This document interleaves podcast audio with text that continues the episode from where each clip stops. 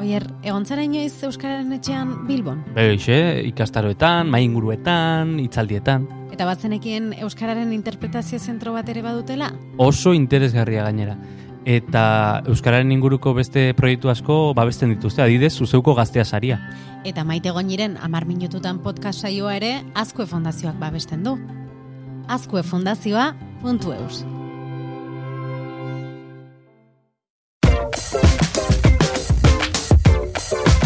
Amar minututan, hezkuntza eta teknologia maite goinirekin.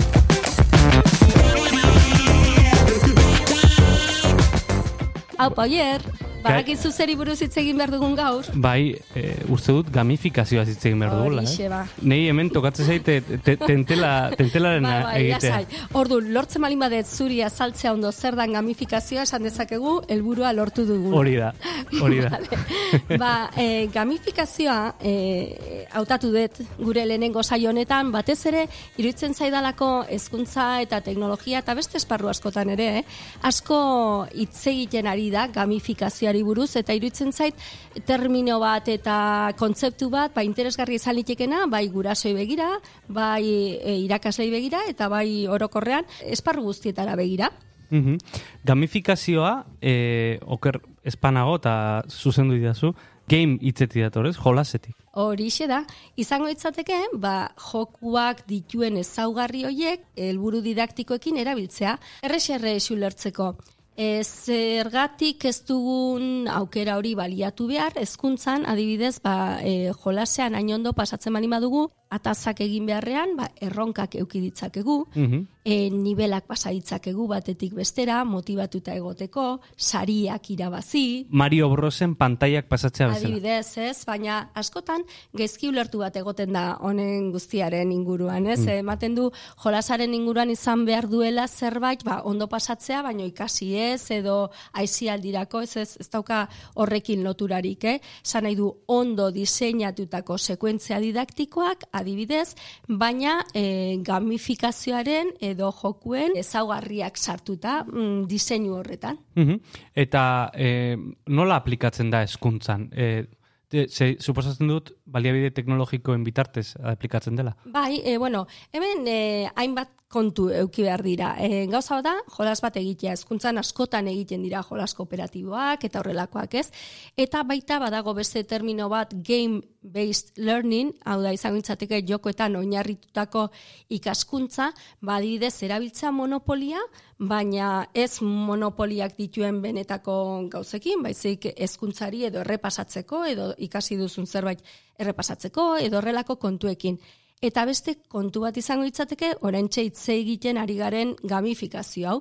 Ez da berez jo, joko bat edo jolas bat, baizik izango litzateke nik nire ikasleengan motivazioa sustatzeko ba hainbat ezaugarri ipini e, ikasgaian zehar eta barrez prozesu osoan zehar. Ordun hori e, adibide asko ditugu ez ikusteko. Bat izan liteke e, eta jende askok ezagutzen duen bat aplikazioa Duolingo adidez hizkuntzak ikastekoa.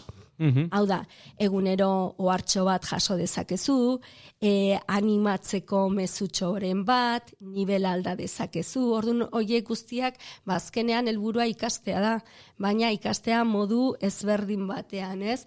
Horizon txostenak adidez bain dela urte desentetatik sartzen du gamifikazioa ba, bere joeren artean, ez? Eta gero eta gehiago ematen ari da esparruia gehienetan, ez bakarrik hezkuntzan, baizik baita e, enpresa mailan, enpresa nahi balima da eraginkortasun handiagoa lortu, ba, dominak, e, hori, e, pertsonalizazioa, horiek denak sar litezke.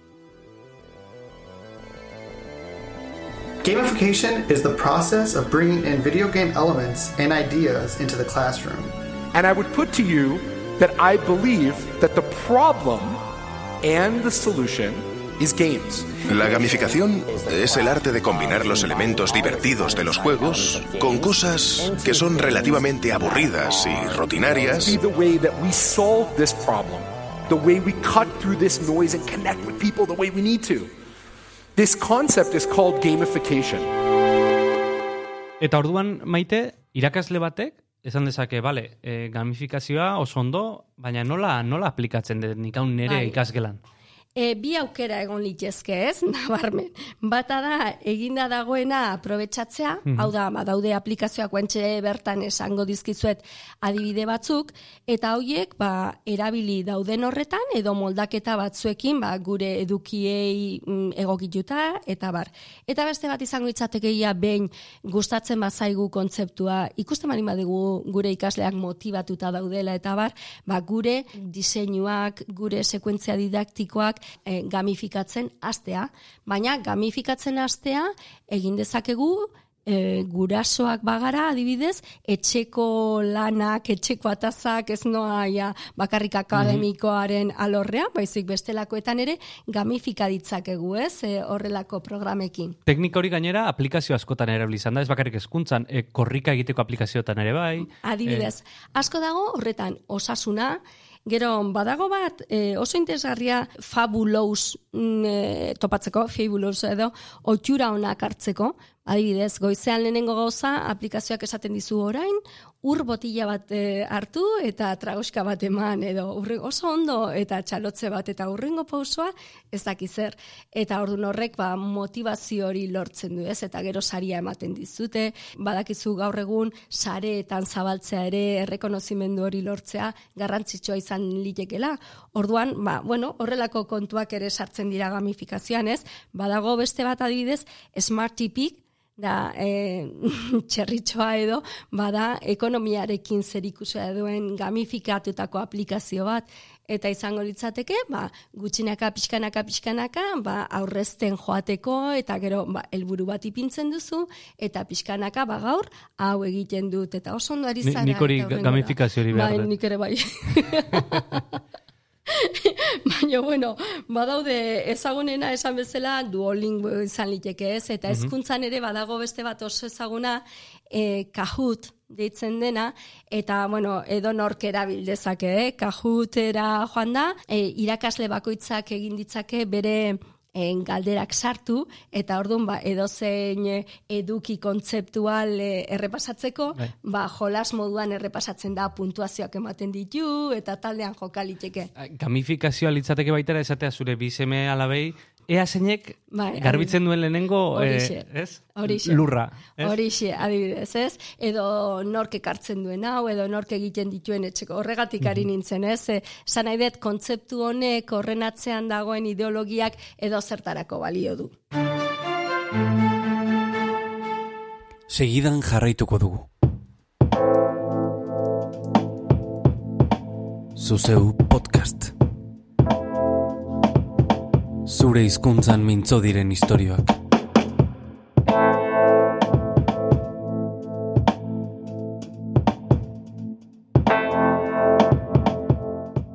Oier, esan dugu, hezkuntzarako bi aukera daudela, e, daudenak erabiltzea, ez? Eta horretan, adibidez, Class Dojo deitzen dan programa bat interesgarria izan liteke, eta baita Classcraft eta Minecraft.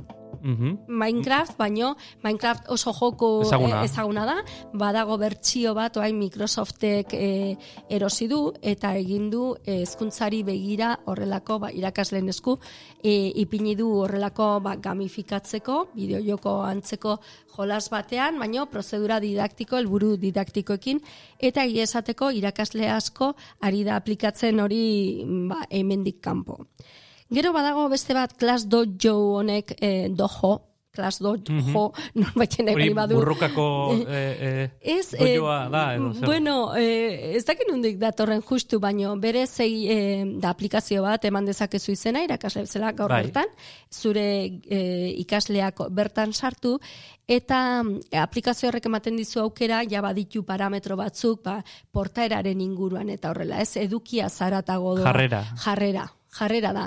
E, kontuan e, izaten dana, orduan eman diezaiokezu norbaiti ba, bere gelakidekin egin duen zerbait kontuan hartzeko, ba, olako saritxo bat, eta bar. Eta orduan horiek ordetzen ditut denak puntuazio guztiak bezala, eta e, egin dezakezu e, urtean zeharreko jarraipen bat portaeraren inguruan. Hor, okurritzen zaidan gauza txarretako bat da lehiak kortasuna, ez? Hori da. Lehiak kortasuna bultzatzen dutela joku hauek. Bai, e, izan niteke, esan nahi dut, e, badago kritika batzuk ere badato zalderdi horretatik, ez? E, kontuan e, izan behar da, gela batean beti e, jarrera positiboak ez daudela, badu dela kontrakoak ere, ez? Ordun hori kudeatzea ere interesgarria izan litekela. Orduan ondo zaindu behar dira neurri horiek noski, baina e, merezi du ikustea ze aukera dauden eta ikustea ikasleek nola erantzuten dioten horri ez. Askotan motivazioa lortzeko jarrera positibo horiek lortze aldera eta bar, eta gero e, adibidez aplikazio konkretu horrek daukan beste zea bat izan liteke gurasoekin elkar banatu alizatea. Ordu hor, ja komunitate osoarekin gurasoak, irakasleak, ikasleak e, sortzen da horrelako elkarrizketa bat, ba, ikasleen eguneroko jarrera eta e, jarraipen horren inguruan, ez? Ez tala bakarrik edukiak eta egiten direnak, baizik gaur egun hezkuntzan, ba, bestelako soft skills edo deitzen dien horiek ba, oso garrantzitsuak dira.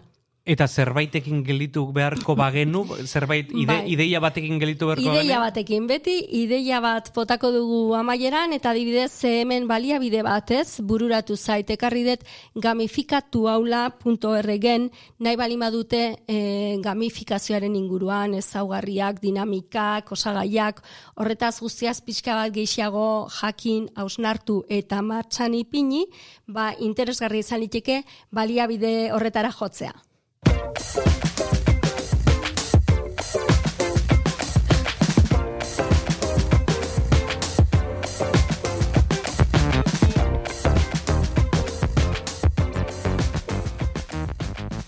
Bueno, ba, izan da gure lehenengo saioa, eta... Oso ondo pasatu dugu. Bai, bai, bai, eta ikasi dugu gauza bat, gauza oso zehatza, gamifikazioa zertan datzan.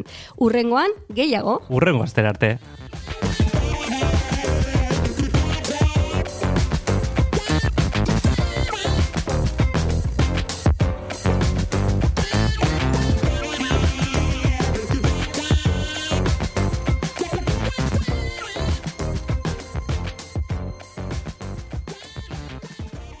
Edozein plataformatan entzun dezakezu zuzeu podcast. Spotify, Apple Podcasten, Google Podcasten, eta plataformaren batean espalima gaude, idatzi podcast abildua zuzeu.eus elbidera. Hori da podcast abildua zuzeu.eus. Eta segidan igoko dugu plataforma horretara ere gure edukia. Eskerrik asko eta hurren arte.